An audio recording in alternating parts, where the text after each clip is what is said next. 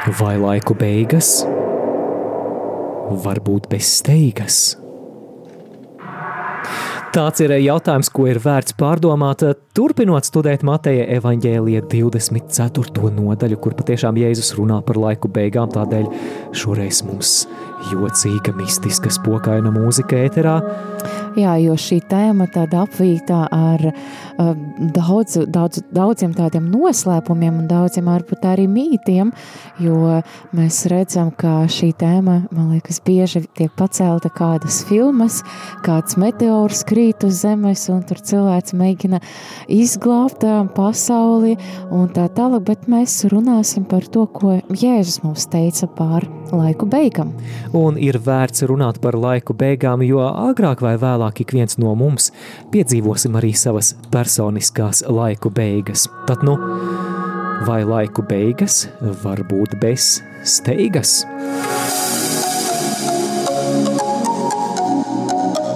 Skan randiņš ar bībeli.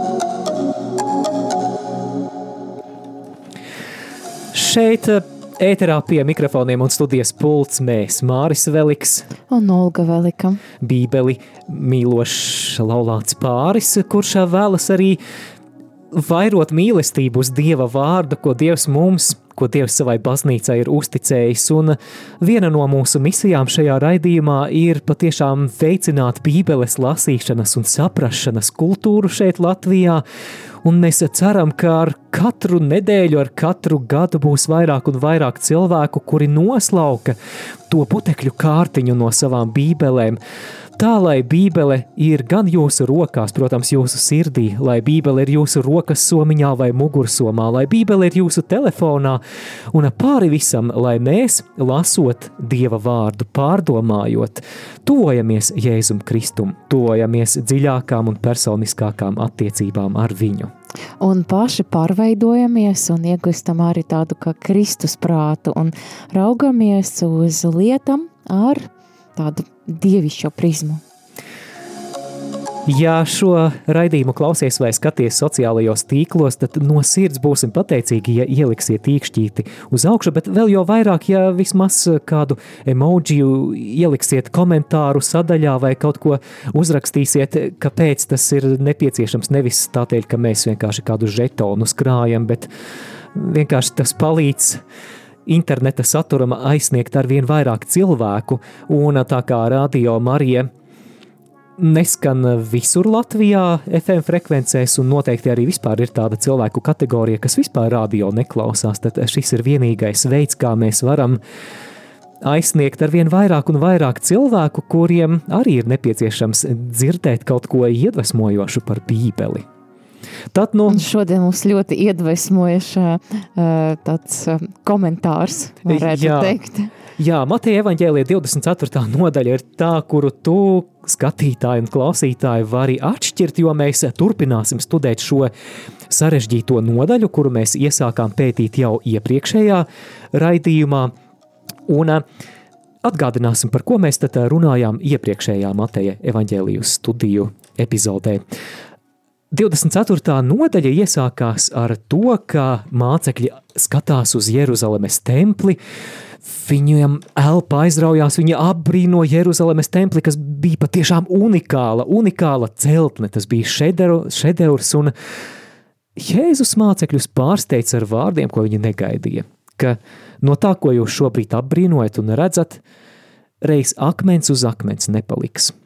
Jā, tieši tā, tas bija Jēzus pravietojums par šo templi, kas šokēja mācekļus, un tā arī notika jau pēc 40 gadiem pēc Jēzus, tad 70. gada, mūsu ēra 70. gada, jau Tita vadība romieši tad apspieda jūdu tādu sacelšanas, un viņi izposta, iznīcina un sadedzina šo templi, un tad mācekļiem palika interesanti, jo Jēzus neko nepateica ne par laiku, ne par uh, zīmēm, kā tas būs, tad mācekļi arī steidzas viņam to jautāt. Vēlreiz atkārtosim trešo pantu. Bet viņam uz eļas kalna sēžot, mācekļi piegāja pie viņa atsevišķi sacīdami: Saki mums, kad šīs lietas notiks un kādas būs tavas atnākšanas un pasarā laika zīmes? Mēs jau iepriekšējā raidījumā vērsām jūsu uzmanību uz to, ka patiesībā mācekļu vārdos ceļā uz Olīvu kalnu slēpjas divi jautājumi, nevis viens jautājums. Un mēģināsim atcerēties, kas tie bija par jautājumiem. Pirmais jautājums ir, nu, Jēzu, tu saki, ka akmens uz akmens nepaliks šajā templī, kas netiks izpostīts. Kad tas notiks? Tātad, kad būs Jeruzalemes tempļa izpostīšana, šī jūdu tautas traģēdija? Kad tas notiks? Otrais jautājums, otrais jautājums, ko mācekļi vēlas noskaidrot, Jēzu, kādas tad būs īsti laika beigu zīmes, pirms tu atnāksi otrais? Un šī, šie divi jautājumi ir ļoti svarīgi. Viņas ir atslēgas, lāsot šo 24. visu nodaļu. Un, jā, tāpēc jāpa, jāpatur šie abi jautājumi prāta.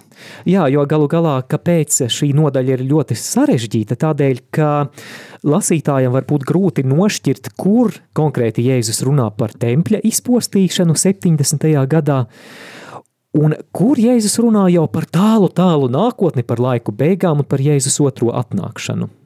Un mēs noskaidrojam, ka patiesībā atbildot eh, par Jēzus, te, eh, Jēzus Jeruzalemes tempļa izpostīšanu, Jēzus vienlaid, vienlaicīgi arī runa par laiku beigām, par to, kad eh, būs tā pastara diena, kad atpakaļ nāks Jēzus. Un, jā, un tas notiks, un kas, tas, kas notiks ar Jeruzalemes templi 70. gadu, ko pravietoja Jēzus, tam arī jānotiek pasaules beigās. Un kāpēc arī šī bija svarīga doma, varbūt ne tik viegli saprotama uzreiz, bet atkārtosim, ka jūdu izpratnē Jeruzalemes templis bija celts kā visas pasaules garīgs modelis arhitektūras veidā. Tātad tas bija kā visas pasaules simbols. Savukārt pasaule jūdu izpratnē bija liels kosmisks dieva templis. Tātad eh, kaut kas it kā līdzīgs Jeruzalemes templim, kurš tur Jeruzalemē uz kalna ir, bet eh, globālos visuma mērogos. Tātad liels kosmisks dieva templis. Un tad Jēzus atbildot uz mācekļu jautājumiem, tad sanāk, mēs noskaidrojam uz diviem jautājumiem. Viņš runā par tām zīmēm, kas būs laiku beigās un arī pirms Jer Jeruzalemes tempļa izpostīšana. Un kādas tas ir tās zīmes? Mēs lasījām iepriekšējā reizē par triju veidu ļaunumiem. Pirmais, tas ir reliģiskais ļaunums. Mēs dzirdējām Jēzus vārdus, ka būs viltus mesijas, būs viltus pravieši, daudzi cilvēki tiks pievilti. Tātad reliģiskais ļaunums. Otrais, ka vairosies morālais ļaunums, un Jēzus vārdos mēs dzirdējām par uh, kristiešu vajāšanu, par kariem un karu daudzināšanu, par netaisnības vairošanos pasaulē, kas ir morāls pagrimums. Un trešais ir dabisks ļaunums. Šajā kategorijā mēs varam ierindot zemestrīces, jā, dabas katastrofas, dažādas dabas kataklizmas, kas būs arī šīs laiku zīmes. Jā, tā mēs īsumā pastāstījām par to, uh, par ko mēs runājam iepriekšējā epizode, bet šodien mēs arī turpināsim lasīt 24. nodaļu, un jāsaka, Māris jau iepriekšējā raidījumā arī teica, ka tā ir viena no sarežģītajām nodaļām vispār bībelē, es tā domāju, un tāpēc arī mēs šodien lasot to, tad mēs pievērsīsimies tām svarīgai, svarīgākajiem pantiem, lai to saprastu, un arī noslēguma mēs arī runāsim par to, nu kā tas vispār attiecas uz mums. Jā, un eh, vēl pirms mēs eh, sākam lasīt šodienas tekstu, ir vērts norādīt, lai mēs izglītotos, lai klausītāji varētu radio Marija piedzīvot kā arī ticības skolu, ir vērts norādīt, ka Jēzus 24. Eh, nodaļā runā tā saucamajā apokaliptiskajā žanrā. Tātad apokaliptiskais žanrs par šādu vārdu mēs varam kļūt šodien gudrāki. Un šis apokaliptiskais žanrs bija jau raksturīgs vecās derības praviešiem, gan pravietis Jesaja, Ecehielas, Zaharija un daudzus citus arī var minēt, kuri mm, vai nu visas grāmatas garumā, vai vismaz atsevišķās porcijās pievēršas šim apokaliptiskajam žanram. Un kas tad ir šī apokaliptiskā literatūra? Es domāju, ka daudzi jau zina vai nojauš, ka tā runā par laiku beigām. Par. Arī ir um, jauna derība kāda grāmata. Jā, pēdējā noslēdzošā grāmata, Jāņa atklāsmes grāmata, ko arī sauc par Jāņa apakalipsi. Un, um, jā, tā runā par laiku beigām, par dieva nākošo tiesu, un bieži vien runā simboliskā, tēlainā valodā, reizēm arī poēzijas žanrā, kuru mūsdienu lasītājam nevienmēr ir viegli saprast. Tad, nu, tāpēc arī mazliet tāda piebildīte, ka te ir jāņem vērā, paturot prātā, lasot Mateja evaņģēlē 24. nodaļu uz priekšu, ka šī būs apakaliptiska valoda. Un tāpēc viena interesanta lieta, ko mēs mēģināsim arī raidījuma laikā izdarīt, mēs mēģināsim identificēt, kur Jēzus savā runā atsaucas uz vecās derības praviešiem. Viņš tur izmanto simboliku, kura nāk jau no vecās derības tekstiem.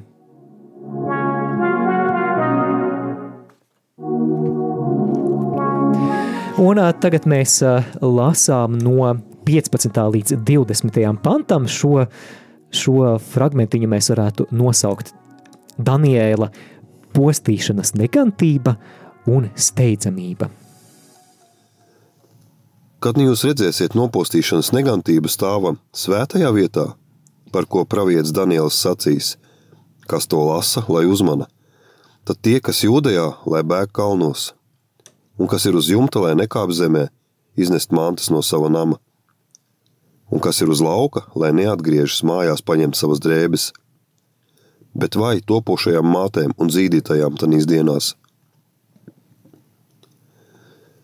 Bet lūdziet Dievu, lai jūsu bēgšana nenotiek ziemā vai sabatā, Jā, šeit Jēzus runā par to, kad uh, templis, kad Jeruzalemes te, templis tiks apdraudēts, tad nebūs laika īsti kavēties, un līdz ar to ir steidzīgi jābēg. Mēs lasām, ka uh, šeit Jēzus tā kā varbūt citējot Daniela to grāmatu, to valodu, to žanru, viņš arī saka, ka, lai tad tie, kas ir jūdēja, bēg kalnos, un mēs zinām tieši, ka Jeruzalēme atrodas netālu no kalniem, un ir, ir jūdēja pa kalni, un kas jā, kas, kad romieši uzbruka tad Jeruzalēmai, tad tie pakalni kalni arī noderēja. Mēs zinām, ka kopumā tad Izraela ir tāda kalnaina zeme. Ir, ir kalni, ir, ir visāds reliefs. Jā, tie no klausītājiem, kuri ir bijuši svētajā zemē, dodoties uz Jeruzalemi, noteikti pamanīja šos paugurus. Jā, un arī bija kāds pirmais, pir, pirmā gadsimta kristiešu vēsturnieks Eizebijs, un viņš raksta, kā kristieši šai laika bēga no Jeruzalemes uz Pellu austrumu virzienu. Jā, šī bēgšana kalnos eh, mums atgādina arī dzen kādus vecās derības tekstus. Piemēram, radīšanas grāmatā pirms Sodomas un Gomoras iznīcināšanas Latam un viņa ģimenei bija jābēg kalnos arī makabiešu grāmatas, pirmās makabiešu grāmatas otrajā nodaļā uzticīgie jūdi rada patvērumu jūdejas kalnos, kad Jeruzalemē valdīja arī posts. Jā, mēs lasām arī tādu nāko, nākamo tādu pantu, kas uz jumta, lai nekāpj lēja, lai paņemtu mantas no mājām. Uh, un uh, mēs zinām, ka bija citādi jumti, tajā laika ne tādi varbūt kā mēs, kā pie mums. Jā, mēs arī lasām vēl vienais epizode atcerējies, kad paralizētais tika nests, uh, lai Jēzus viņu dziedinātu, tad tie cilvēki nevarēja iet māja, līdz ar to viņi uzkāpta uzkāpa uz jumta un tad to jumtu tā kā caur jumtu izdemolēja. izdemolēja jā. Bet ar labiem nolūkiem. Jā, jā, un tajā laika patiesībā jumts bija tā kā atpūtas vieta. Atpūtas vieta priekš jūdiem, es domāju, arī priekš tā kā arī citas tautas bija tādi jumti, un cilvēki tur mēdza uzturēties un atpūsties. Un tik no jumta vai uz jumta vai no jumta varēja pat trepītam ārpus mājas. Un tas nozīmē, ka eh, beigšana būtu bijusi tik eh, steidzīga, ka pat nebūtu laika tieši no jumta uzkāptu, nokāptu un paņemtu, ieietu māju un paņemtu kādas, kādas mantas. Līdz ar to, kāds esi tāds arī beidzs. Jā, tā kā klausītāji, ja tu iedomājies šķībus jumtus, kādi tie ir mūsdienās, tad aizmirsti šo attēlu, jumti bija plakani, tur varēja uzturēties. Un jā, iet runa, ja tu esi uz jumta, neiet runa par kaut kādiem jumtu remontiem un tā tālāk tiem cilvēkiem, jo tajā laika tas bija tāds tāds veids, kā cilvēki tur arī uzturējas. Kā balkons. Jā, laikam kā balkons, jā. Eh, jā, un eh, te bija arī vārdi, ka bēgšana būs tik steidzama, ka īpaši grūti būs grūtniecēm, un ja mēs šo rakstu vietu pārceļam jau uz laiku beigām, tālā nākotnē, tad arī laiku beigas mēs varētu sacīt raksturo steidzamība tajā ziņā, ka nebūs jēgas savākt mantu, nebūs eh, jēgas pabeigt kādas iesāktās darīšanas. Tā nāks mm. kā zaglis naktī, kā mēs to lasām citur svētajos rakstos, un tālāk Mateja evaņģēlija šīs pašas nodaļas, tāda 24. nodaļas 42. pantā, tie, kas seko savās bībelēs, varam izlasīt Jēzus vārdus. Tāpēc esiet modri, jo jūs nezināt, kurā stundā jūsu kungs nāks.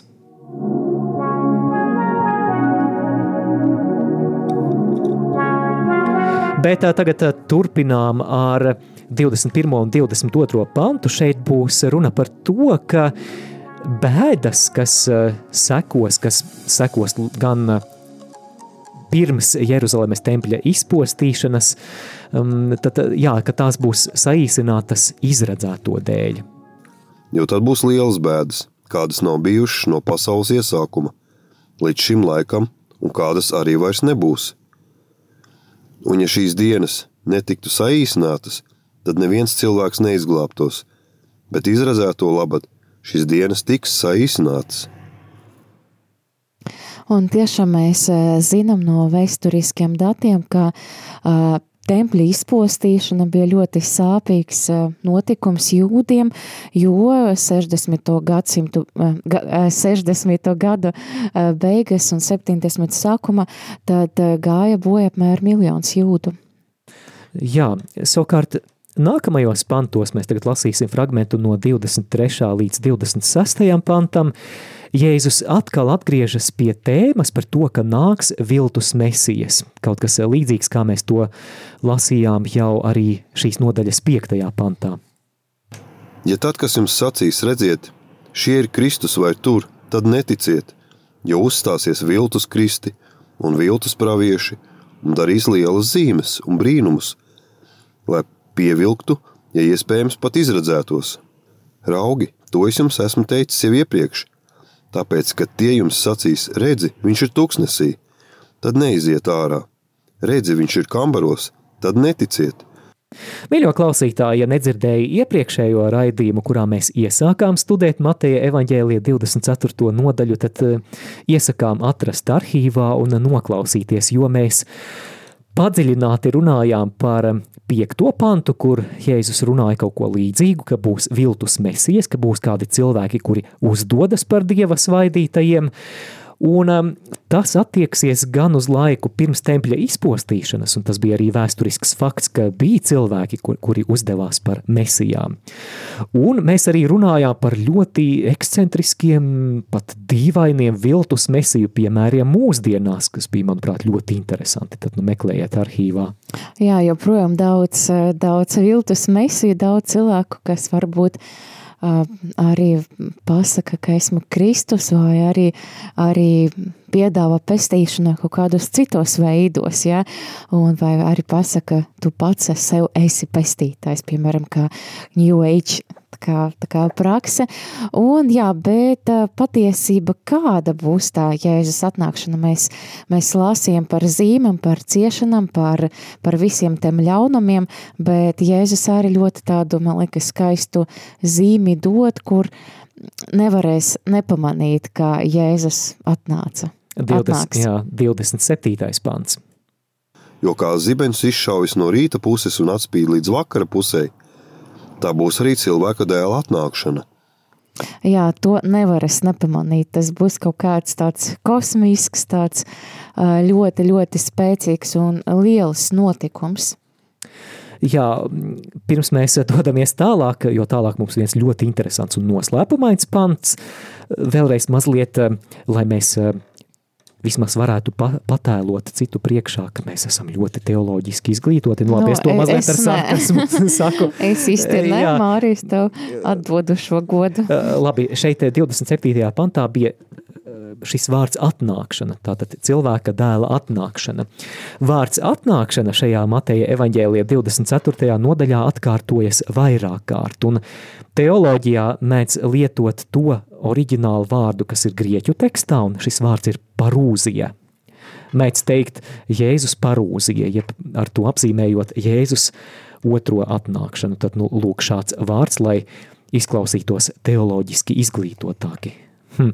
Tad, no nu, mīļo klausītāji, ja svētdien dosies uz misi un vēlāk um, būs kāda pasēdēšana pie tējas ar draudzes locekļiem, tad sakiet, ko jūs domājat par parūziju? Galvenais neaizmirs šo vārdu, es domāju, jā. ka es drīz aizmirsīšu, bet jā, tāda būs atnākšana, un to nevarēs nepamanīt ne, neviens cilvēks, kas dzīvos uz zemes bet nu 28. pants daudziem, daudziem sagādā grūtības. Jo kur maita, tur salasās ērgļi. Ļoti sarežģīti, ja godīgi arī man es arī domāju, es nesaprotu līdz galam. Un, Olga, mēs šeit arī klausītājiem nesniegsim galīgu definitīvu atbildi, kura no versijām ir tā īstākā, jo bībeles komentētāji dalās, viņu viedoklis dalās, ko tas varētu nozīmēt. Tā ka visdrīzāk mēs debesīs Jēzu varēsim pajautāt, ko tu ar to bija domājis precīzi, bet kādas ir versijas? Uh, pirmā versija ir šāda, ka teiciens, jo kur maita tur salasās ērgļi, var norādīt uz to, ka Jēzus atnākšana būs kaut kas pamanāms, gluži kā ērgļu barstu. Piemēram, ej pa tuksnesi, un tur kaut kur aiz pakalna vai virs pakalna ir ērgļu bars vai maitas putnu bars, un tas tu, tu nevari nepamanīt, un tu, tu zini, ka tur kaut kas viņus piesaistošs ir. Un eh, vēl viens skaidrojums jau par tempļu Jeruzalemes tempļu izpostīšanu ir tas, ka maite ir morāli pagrimusi Jeruzaleme, jo mēs zinām, ka Jēzus arī apraut Jeruzalemi, un Jeruzaleme, Jeruzaleme, jā, ka tu tad tā kā nogalina praviešas un arī par sevi Jēzu runāja to, ka arī Jeruzalemes iedzīvotāji arī tad nodeva Jēzu uh, uz nāvi, jā, un līdz ar to varētu teikt tāda veida Jeruzaleme arī palika tāda morāli pagrimūsi, jo tomēr atteicas no dieva dēla, no mesijas, bet ērgļi ir romiešu armija, un tāds Romas militārais simbols, starp citu, bija ērgļi. Līdz ar to tāds varētu būt arī simbols par to laiku. Jā, man pat šī versija personiski mani vairāk uzrunā, bet nu, to mēs atstājam ar jautājuma zīmi. Tālāk teksts Mateja evaņģēlī 24. nodaļā, un mēs pēc brīža arī lasīsim sākot ar 29. pantu, visdrīzāk jau tieši runā par Jēzus otro atnākšanu, nepārprotami un skaidri, bet tā kā mēs jau diezgan daudz esam runājuši, te ir ko pārdomāt, mēs dosimies mūzikas pauzītē, un um, mēs no tevis klausītāji arī gribētu dzirdēt, vai tev ir bail no laiku beigām, vai tu baidies no laiku beigām un no Jēzus otrās atnākšanas. 266, 77, 272 ir tālruņa numurs studijām. Savukārt um, īsiņas un vatsapziņas rakstiet uz numuru 266, 77, 272. Pareizi? Pareizi. Mhm, labi, klausāmies.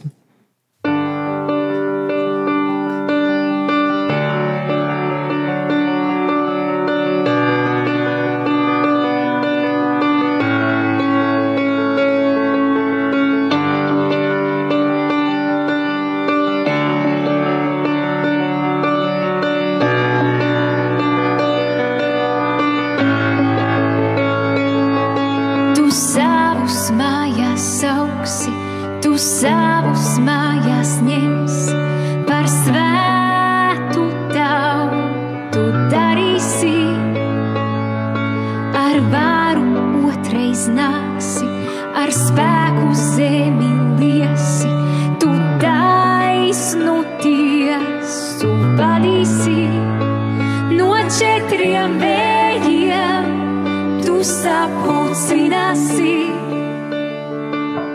Visi tevi teiks, visi tevi teiks, no četriem vējiem tu sapulcināsi. Visi tevi teiks, visi tevi teiks.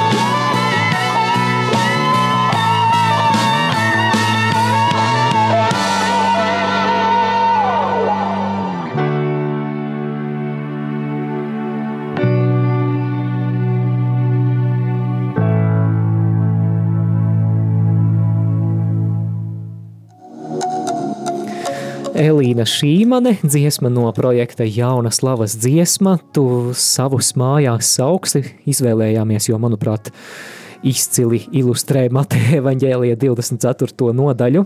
Jā, mēs eh, runājam par laiku beigām, par tām zīmēm, kas pavadīs, jo jā, šī nodaļa ir ne tikai par tieši laiku beigām, šī nodaļa arī atbild uz to, ka, eh, kādas būs zīmes, arī um, kad būs izpostīta, izpostīts Jeruzalemes templis, bet jā, mēs runājam arī par to mūžīgu perspektīvu, jo Jeruzalemes templis bija izpostīts, un jā, mums svarīgi saprast un varbūt arī būt gataviem Jēzus atnākšanai, kāda zīmes būs. Jā, tieši tā, un mums vairāki klausītāji jau ir uzrakstījuši atbildot uz mūsu uzdoto jautājumu, vai viņi baidās no pasaules gala, no laiku beigām. Mēs tās pēc brītiņa nolasīsim, bet ir arī labi jautājumi vai komentāri pienākuši, un centīsimies arī iespēju robežās atbildēt. Kāds raksta, Labdien, tā runa, ka tempļa postīšana būs cilvēces vēsturē lielākā katastrofa un ciešanas, šķiet pārspīlēta, manuprāt.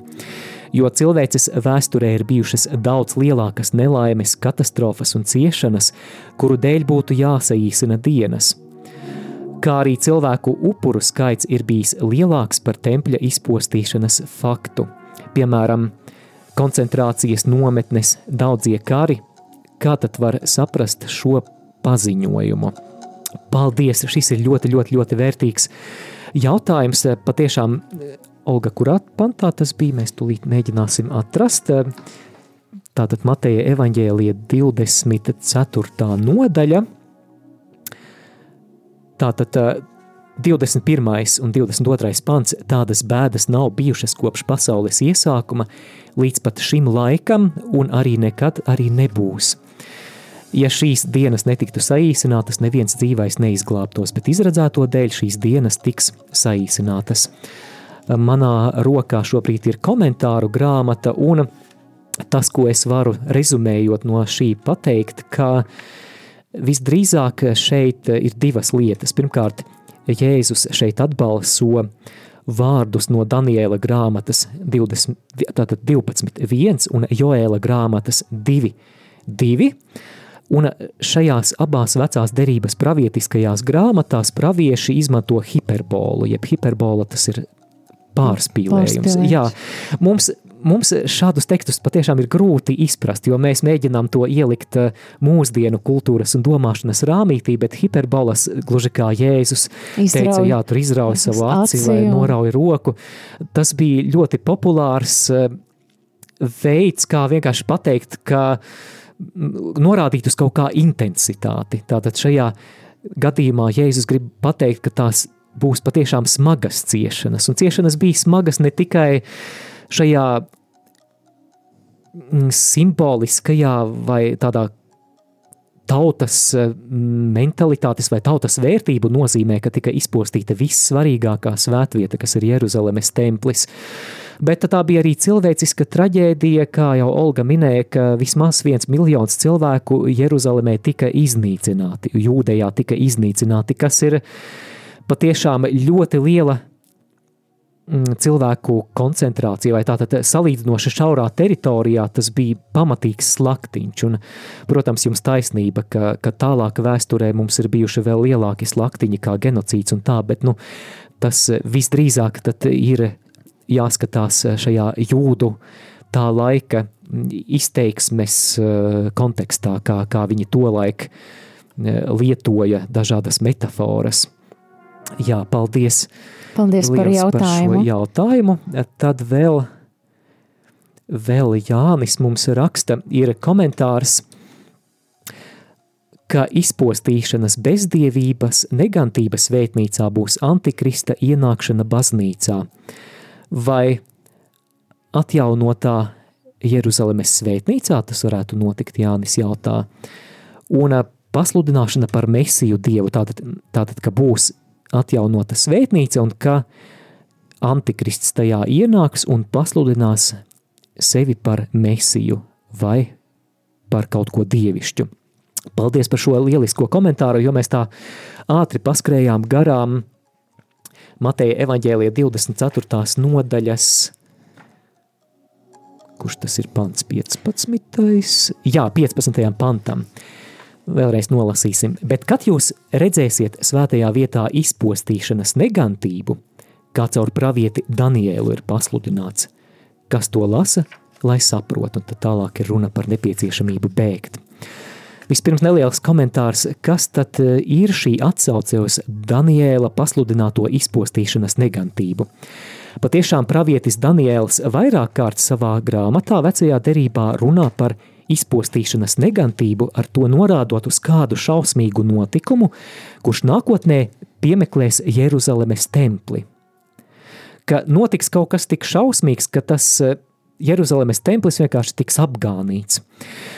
Un pirmajā nozīmē Bībeles pētnieki runā, ka tā ir pravietiska norāde uz notikumu mm, Sīrijas ķēniņa, jeb helēniskā, nu viņš bija grieķis, bet, bet valdīja Sīrijā, ķēniņa Antioha 4. epifāna laikā, tas bija 167. gadā pirms Kristus, kad šis ķēniņš Antiohs Epifāns Jeruzalemes templī jūda vislielākajā svētnīcā uz altāra novietoja zeva statuju, kas ir kaut kas briesmīgs, un Jeruzalemes templī arī tika upurēta cūka, kas eh, tika jūdiem uzskatīts par nešķīstu dzīvnieku, un līdz ar to templis tika desakralizēts. Vēlāk makabieši, par ko mēs lasām makabiešu grāmatā, šo templi atkal iesvētīja šķīstie un iesvētīja no jauna, un Olga noteikti zina, kādi svētki jūdiem tiek svinēti tempļa atkal iesvētīšanas. Tā, tur, es jau aizmirsu. Hanuka, Hanuka, Hanuka, jā, Hanuka. Hanuka. Mm -hmm. Septiņas sveces un, jā. Jā, tātad 167. gads pirms Kristus, šī izpostīšanas negantība Jeruzalemes templī, bet kā mēs jau to esam iepriekš daudz runājuši, tad Bībelē daudziem vēsturiskajiem notikumiem ir vēl cits nozīmes līmenis. Tas norāda uz kaut ko, kas notiks vēl tālā, tālā nākotnē.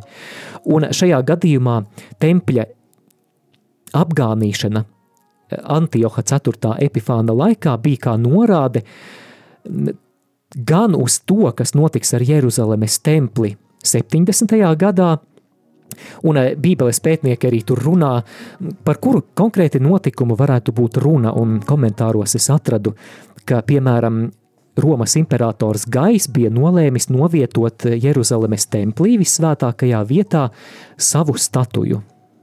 Kāds ego jā, vai ne? Sevi uzskatīja par dievu.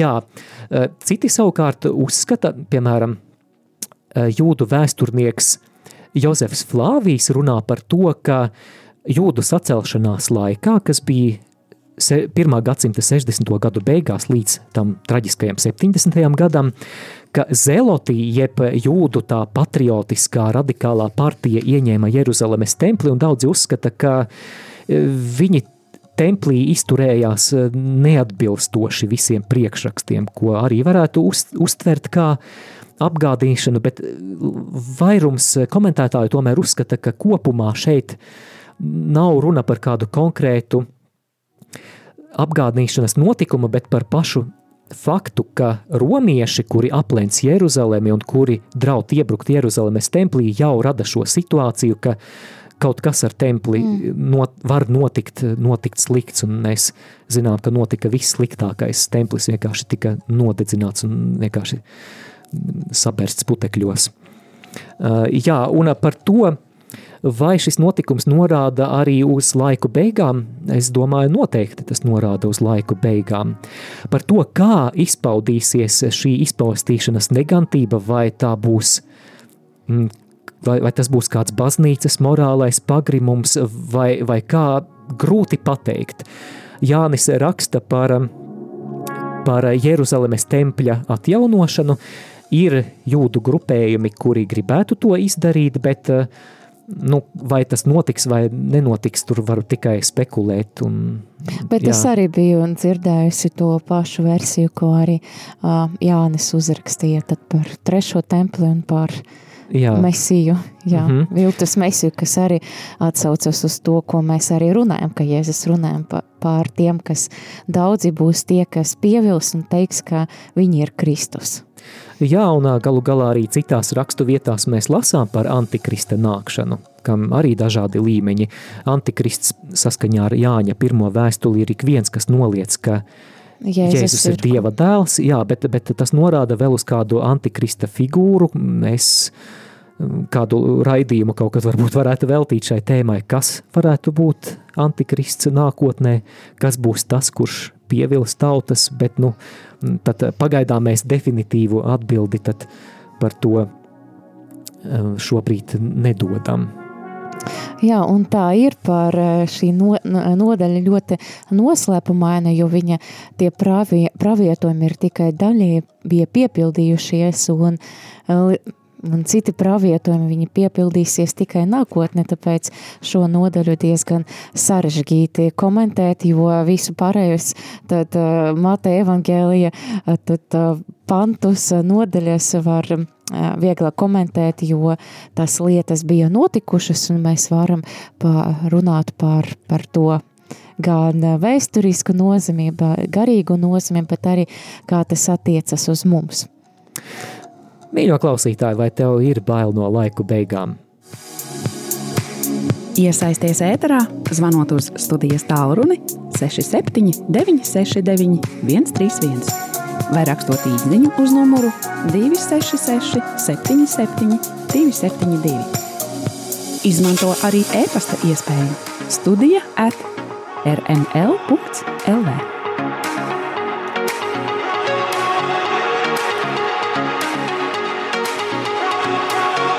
Es nebaidos no laiku beigām, kāds raksta, domāju, ka katra cilvēka individuālās ciešanas ir lielākas mokas par globālām katastrofām. Paldies! O, mums Edmunds raksta, kurš, rakst, kurš ielas arī svēto rakstu lasījumu šim raidījumam. Jā, paldies, Edmund! Paldies par tavu kalpošanu. Es ļoti, ļoti priecājos, ka tu esi daļa no komandas. Un Edmunds rakstīja atklāti, tad nebaidos, jo Tad kāda būtu visas ticības jēga, ja mēs neticētu Jēzus apsolījumam, ka pēc nāves sagaida mūžīgā laimība, raksta Edmunds. Rīta raksta, slavēts Jēzus Kristus, mazliet baidos, bet uzticos Jēzum, paļaujos uz debesu tēva mīlestību, kurš nežēloja savu dēlu, lai mēs, es, iegūtu mūžīgo dzīvību. Paldies, Rīta! Paldies par, par komentāriem! Nu ko, bet laiks turpināt lasīt mūsu šīs dienas tekstu, un mēs jau runāsim konkrēti par Jēzus otro atnākšanu un lasām no 29. līdz 31. pantam. Bet tūdaļ pēc šo dienu bēdām saule aptumšosies, un mēnesis nedos savu spīdumu. Zvaigznes kritīs no debesīm, un debesu stiprumi kustēsies. Un tad parādīsies cilvēka dēla zīme pie debesīm – un tad vaimanās visas zemes ciltis, un skatīs cilvēka dēlu nākam no debesu padebešiem ar lielu spēku un godību. Un viņš izsūtīs savus eņģeļus ar lielu bazūni. Tie sakrās viņa izredzētos no četriem vējiem, no viena debesu gala līdz otram. Jā, šeit Jēzus runā par savu otro atnākšanu un vēlreiz atgādinām, ka Jēzus otrā atnākšana laiku beigās tā ir nemainīga, katoliskās ticības sastāvdaļa. Tātad Jēzus patiešām atnāks nevis kādā simboliskā veidā. Protams, Jēzus nāk arī šodien dažādos veidos. Caur evaharistiju Jēzus nāk pie mums lūkšanā, Jēzus nāk caur savu vārdu, bet laiku beigās patiesā, patiešām Jēzus atnāks, kā mēs misē to pasludinām, lai tiesātu dzīvos un mirušos. Bet, nu, un viņš atnāks jau citādi īsa sava godība, jo jā. pirmo reizi viņš atnāca tā kā mazais bērniš, izdzīvoja šo dzīvi kā cilvēks 33 gados, bet nu, tad nāks visa sava godība ar debesu karapulkiem. Olga, tu vēl atceries, kā sauc Jēzus otru atnākšanu grieķiski? Mm. Parūzija, laikam. Parūzija. Jā, Parūzija. es atceros par Parīzi, un tad atceros par Parūziju. Pastāsti to joku, ka ja būtu ordenis, kurš īpaši daudz domā par Jēzus otru atnākšanu, kā Tie būtu sauc? parūzieši. Paruzi, vai paruzīti? Nē, parūzieši. Paruzieši. Jā, la- labi, tā mazliet humora atkāpīte, bet eh, teksts, kuru mēs nu pat nolasījām, ir ļoti piepildīts ar atsaucēm uz vecās derības praviešiem. Tas ir tik interesanti, kā vecā derība caurauša jaunās derības tekstus un dažus piemērus minēsim. Šeit bija runa par kosmiskām katastrofām, ka saule aptumšosies, mēnesis nedos savu atspīdumu, zvaigznes kritīs no debesīm.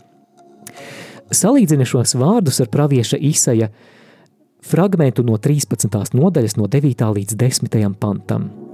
Isais raksta: Redzi, tā kunga diena nāk briesmīga ar dusmām un ar karstu bardzību, lai pārvērstu zemi par tuksnesi un iznīcinātu tajā esošos grēciniekus. Jo debesu zvaigznes un viņu zvaigznāja nespīd vairs. Saule uzlecot aptumšojas, un mēnesis nedod savu gaismu. Jā, mēs lasām arī vēl par, redzam arī šajā rakstu vieta arī atsauci uz Daniela grāmatu. Par Daniela grāmatu mēs jau šodien runājam, bet arī tā vieta, kur eh, tiek teikts, ka un tā cilvēka dēla zīme parādīsies pie debesīm, un eh, tā ir patiesībā atsauce uz Daniela vīziju no Daniela grāmatas septītas nodaļas no 13. līdz 14. pantam. Un Daniels raksta, kamēr es vēroju nakts paradības, redzi, kā debesu padebēšos, nāca kāds cilvēka dēls sava izskata. Tas pienāca pie cienījama sirmgalvja un to nostātīja sir un to nostātīja sirmgalvja priekšā. Viņam tad tika piešķirta vara, godība un valdīšana, tā ka viņam pakļāvas visas tautas, tautības un valodas. Viņa vara ir mūžīga, viņa ķēniņa valsti neviens nekad nevar iznīcināt. Bet tas- Skaista jā, vīzija. Skaista vīzija, bet uh, vēl kāda atsauce no vecās derības praviešiem, Jēzus vārdos, un tad visas ciltis, visas zemes vaimanās. proti redzot cilvēka dēlu. Un šeit ir atsauce uz pravieša Zaharija grāmatas fragmentu no 12. nodaļas, no 10. līdz 12. pantam. Lūk, citāts. Bet pār Dāvida namu un Jeruzalemes iedzīvotājiem es izliešu žēlastības un lūkšanas garu, un tie raudzīsies uz viņu, ko tie sadūruši, un vaimanās par viņu, kā vaimanā par vienīgo dēlu, un būs par viņu noskumuši un sēros kā skumst par savu pirmdzimto. Un 12. Eh, pants, un zeme vaimanās, ik viena cilts par sevi, Dāvida nama cilts par sevi. Jā, neticīgie laiku beigās raudās nožēlas asaras, jo būs jau par vēlu. Un eh, visbeidzot, arī pēdējie divi panti šodienas raidījumā lasām noslēgumā no 32. līdz 33. Pantam. Nē, tie vēl nebūs pēdējie, vēl tur kaut kas mums palika. Mācieties līdzību no vīģes koka. Kad viņa zaros jau pumpuri metas un lapas plaukst, tad jūs zinat, ka vasara ir tuvu klāt. Tā arī zina jūs, kad visu to redzat, tad ziniet, ka viņš ir tuvu durvju priekšā. Jā, runa šeit ir par laiku zīmēm pirms Jeruzalemes tempļa nopostīšanas un arī pirms Jēzus otrās atnākšanas. Olga, Kā tu uzskatīji, kas priekš tevis ir pavasara vēstneši? Kas ir tā zīmes, kas tev liecina par pavasara tuvošanos? Putniņi ciet, saulīte spīd, siltāks laiks, un es redzu, kā koku, koku zaras jau tādi pumpuri. Sniegpulkstenītes. Jā, jā arī. jā, patiešām vērojot dabas parādības, mēs varam zināt par gada laiku maiņu, bet eh, Jēzus runā, ka mm. varbūt arī garīgas laika zīmes, garīgas laika zīmes, kas um, norāda uz gaidāmo Jēzus otro atnākšanu. Un uh, tagad tā mums pavisam maz laika, jā, tāpēc 34. un 35. pants, un tad šeit mēs arī apstāsimies šodien. Patiesi es jums saku, šī cilts nezudīs, tiekams tas viss notiks. Debesis un zeme zudīs, bet mani vārdi nekad nezudīs. Jā, šis arī daudziem šķiet problemātisks pants. Es jums saku, ka šī cilts nezudīs, vai jaunajā tulkojumā, jeb 2012. gada tulkojumā, ir šī paudze nezudīs. Un um, tad daudzi domā, nu vai tad uh, evaņģēlis vai Jēzus būtu kļūdījies, sakot, ka šī paudze nezudīs uh, un piedzīvo šo Jēzus otro atnākšanu, jo galu galā vēl joprojām jau vairāk nekā 2000 gadu pasaule turpina iet uz priekšu. Redzēju, šeit atkarīgs no tā, vai vārdu, kas grieķu valodā šeit lietots, un šis vārds ir, kur mana bībele, tur kaut kur komentāriņā ir rakstīts tā, mm -hmm, vai vārds genēja nozīmē cilti vai paudzi. Arī tad, ja mēs šo vārdu tulkojam kā paudze, tam ir jēga arī runas kontekstā par eh, tempļa iznīcināšanu, jo lielākā daļa mm. Jēzus laika biedra patiešām piedzīvoja laiku, kad Jeruzalemes templis tika izpostīts. Nu, savukārt, ja mēs šo vārdu genējā tulkojam kā cilts, tad nu, skaidrs Izrēļa tauta vai vispār dieva bērni kā tādi pastāvēs eh, līdz laiku beigām. Nu tā. Mums un, palika desmit minūtes, mēs varam parunāt jā. par to, nu kā tas vispār attiecas uz mums. Mēs jau pajautājām mūsu klausītājiem par to, vai viņi baidas no tā laika. Un jā. paldies par visiem par, par to, ko jūs esat pateikuši, bet mēs parunāsim vēl par kādam citam lietam, kā tas attiecas uz mums.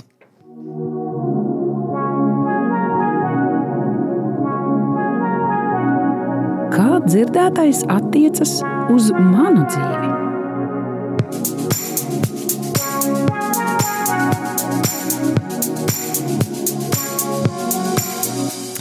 Mēs iesākām šo raidījumu ar pantiņu, ar atskaņām, vai laiku beigas var būt bez steigas. Es domāju, Kā nu uz to skatās, kā kuram, jo mēs redzējām par šo steigu Jēzus runā, pirms Jeruzalemes tempļa tā būs bēgšana kalnos, un um, ar kādu pārsteidzošu notikumu tas noteikti ir saistīts, bet es domāju, tad, ja mēs esam gatavi, tad, ja mēs esam ar Jēzu, ja mēs esam uzticējuši viņam savu dzīvi, ja viņš ir piedevis mūsu grēkus, tad uh, man nāk prātā stāsts par kādu svēto, kurš spēlē futbolu ar draugiem, un draugi viņam uzdot jautājumu, Klau, ja tagad Jēzus otro reizi atnāktu, ko tu tagad darītu? Un viņš saka, es turpinātu spēlēt futbolu. Jā, tieši tā, un patiesība, jā, jābūt vienmēr gataviem, un uh, mani arī uzrunāja par to bēgšanu uz kalniem, uh, man asociējas šis vārds, jo es gāju uz ikonogrāfijas kursiem, un tur tāda, tāda austrumu, austrumu stila ikonogrāfija ir patiesība, ir ikonam, ir arī objektiem, arī tagad teoloģiski, teoloģiskas nozīmes. Un, piemēram, ikonogrāfija kalni nozīmē garīga pasaulē. Un šeit tā mm, skaisti. Bēgšana uz kalniem patiesībā nozīmē to bēgšana tādā garīgajā dzīve un pievēršanās tieši Dievam un savai garīgajai dzīvei, jo tieši mēs nevaram zināt, kā tas notiks, un mēs fiziski nevaram sagatavoties, bet Dievs un attiecības ar viņu ir pats galvenais, un līdz ar to ir ļoti svarīgi kopt savu garīgo dzīvi, un jā, kas vēl man uzrunāja, arī tāda gatavība un atraisīšanās no šīs pasaules lietām, kas ir pārējošas. O, jā, man šķiet, ka šo noslēdzošo raidījuma sadaļu, ko mēs parasti saucam, kā dzirdētājs attiecas uz mums, mēs varētu balstīt uz šodienas 35. pantu, kur Jēzus teica, debesis un zeme zudīs, bet mani vārdi nekad nezudīs. Tātad Runāja par to, ka viss ir iznīcīgs. Ja mēs eh, šīs nodaļas kontekstā domājam par laiku beigām, tad viss tas, par ko mēs iespringstam, par ko mēs te nopūlamies, tas, ko mēs uzskatām par žilbinošu, par lielu, lielu vērtību, tas, ko mēs uzskatām par tādu, kura dēļ ir vērts vienkārši visu savu dzīvi ieguldīt, tam visam vairs nebūs nekādas nozīmes. Bet tomēr ir kaut kas arī neiznīcīgs.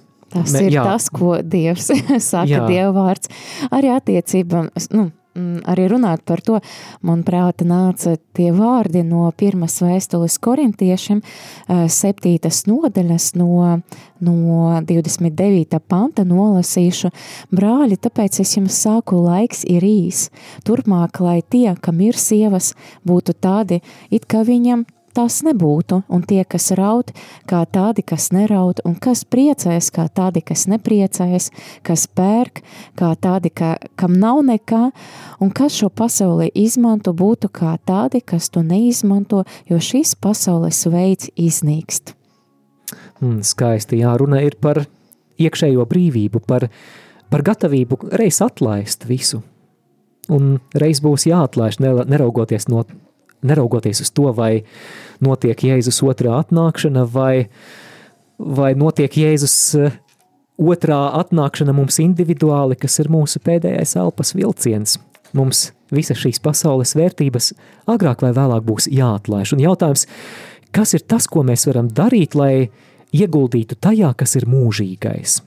Kas ir tas? Un es domāju, te mēs varam minēt tādas lietas kā, piemēram, lūkšana, Lūkšanu, lūkšanas laiku tev neviens nekad neatņems.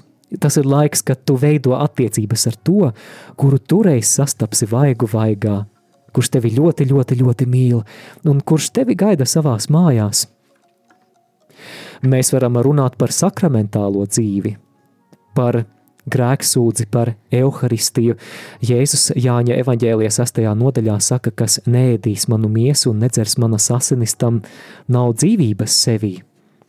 Jā, mēs varam runāt arī par Dieva valstības izplatīšanu caur žēlsirdības darbiem, caur vārdiem, caur lūkšanu par mūsu tuviniekiem, jo mēs esam aicināti domāt ne tikai par uh, laiku beigam ar uh, no savas perspektīvas, kā būs ar mani, bet arī padomāt, kā būs ar citiem, vai es gribu, lai arī šīs cilvēks ietu bojā, arī nezinot Jēzu un ka viņš paliek bez mūžīgas dzīves. Līdz ar to arī tas ir aicinājums domāt par tiem, kas Jēzu vēl nav iepazinušie kā, kā savu kungu. Tieši tā, Olga, un tam ir paliekoša vērtība. Kad mēs palīdzam kādai dvēselē nākt pie Jēzus, tuvoties, tam, tam ir paliekoša vērtība, tam ir mūžības perspektīva. Jā, tā varbūt vispārīgi varētu teikt gatavošanās Jēzus atnākšanai personiski. Viduslaikos bieži lietoja latīnisko teicienu memento mori, jeb atceries nāvi. Mums nav jādzīvo drūmiem un nomāktiem, oh, nāve tuvojas, bet, bet lai paturam prātā, ka šī zemes dzīve ir kā tvaiks, kas izzūd, kā mēs to lasām 90. psalmā, vienkārši pēkšņi ir, un tad vairs nav, bet tad ir mūžība. Tātad ņemt to vērā. Un, protams, arī noslēgumā vēl noteikti mūžīga vērtība ir arī Dieva vārda lasīšanai. Tieši Personiski, tā. jā, un uz to mēs arī jūs aicinām, atgādinot, ka randiņa ar bībeli klausīšanās, gluži kā uztura bagātinātājs, neaizstāja pilnvērtīgu un sabalansētu uzturu, neaizstāja tavus personiskos randiņus ar bībeli. Lai ir slavēts Jēzus Kristus. Mūžīgi mūžam slavēts.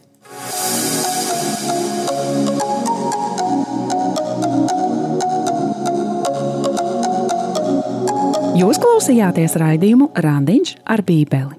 Savas atsauksmes, ieteikumus un jautājumus sūtiet uz e-pastu Randiņš ar Bībeli at gmail.com. Iepriekšējās raidījuma epizodes aicinām meklēt arhīvā.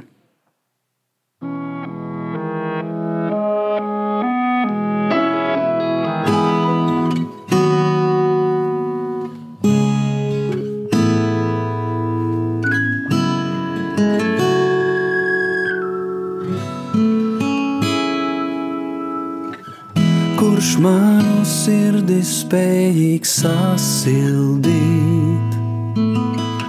kurš manas ilgas spējīgs piepildīt, kurš manas brūces spējīgs izdziedēt, vienīgi tu.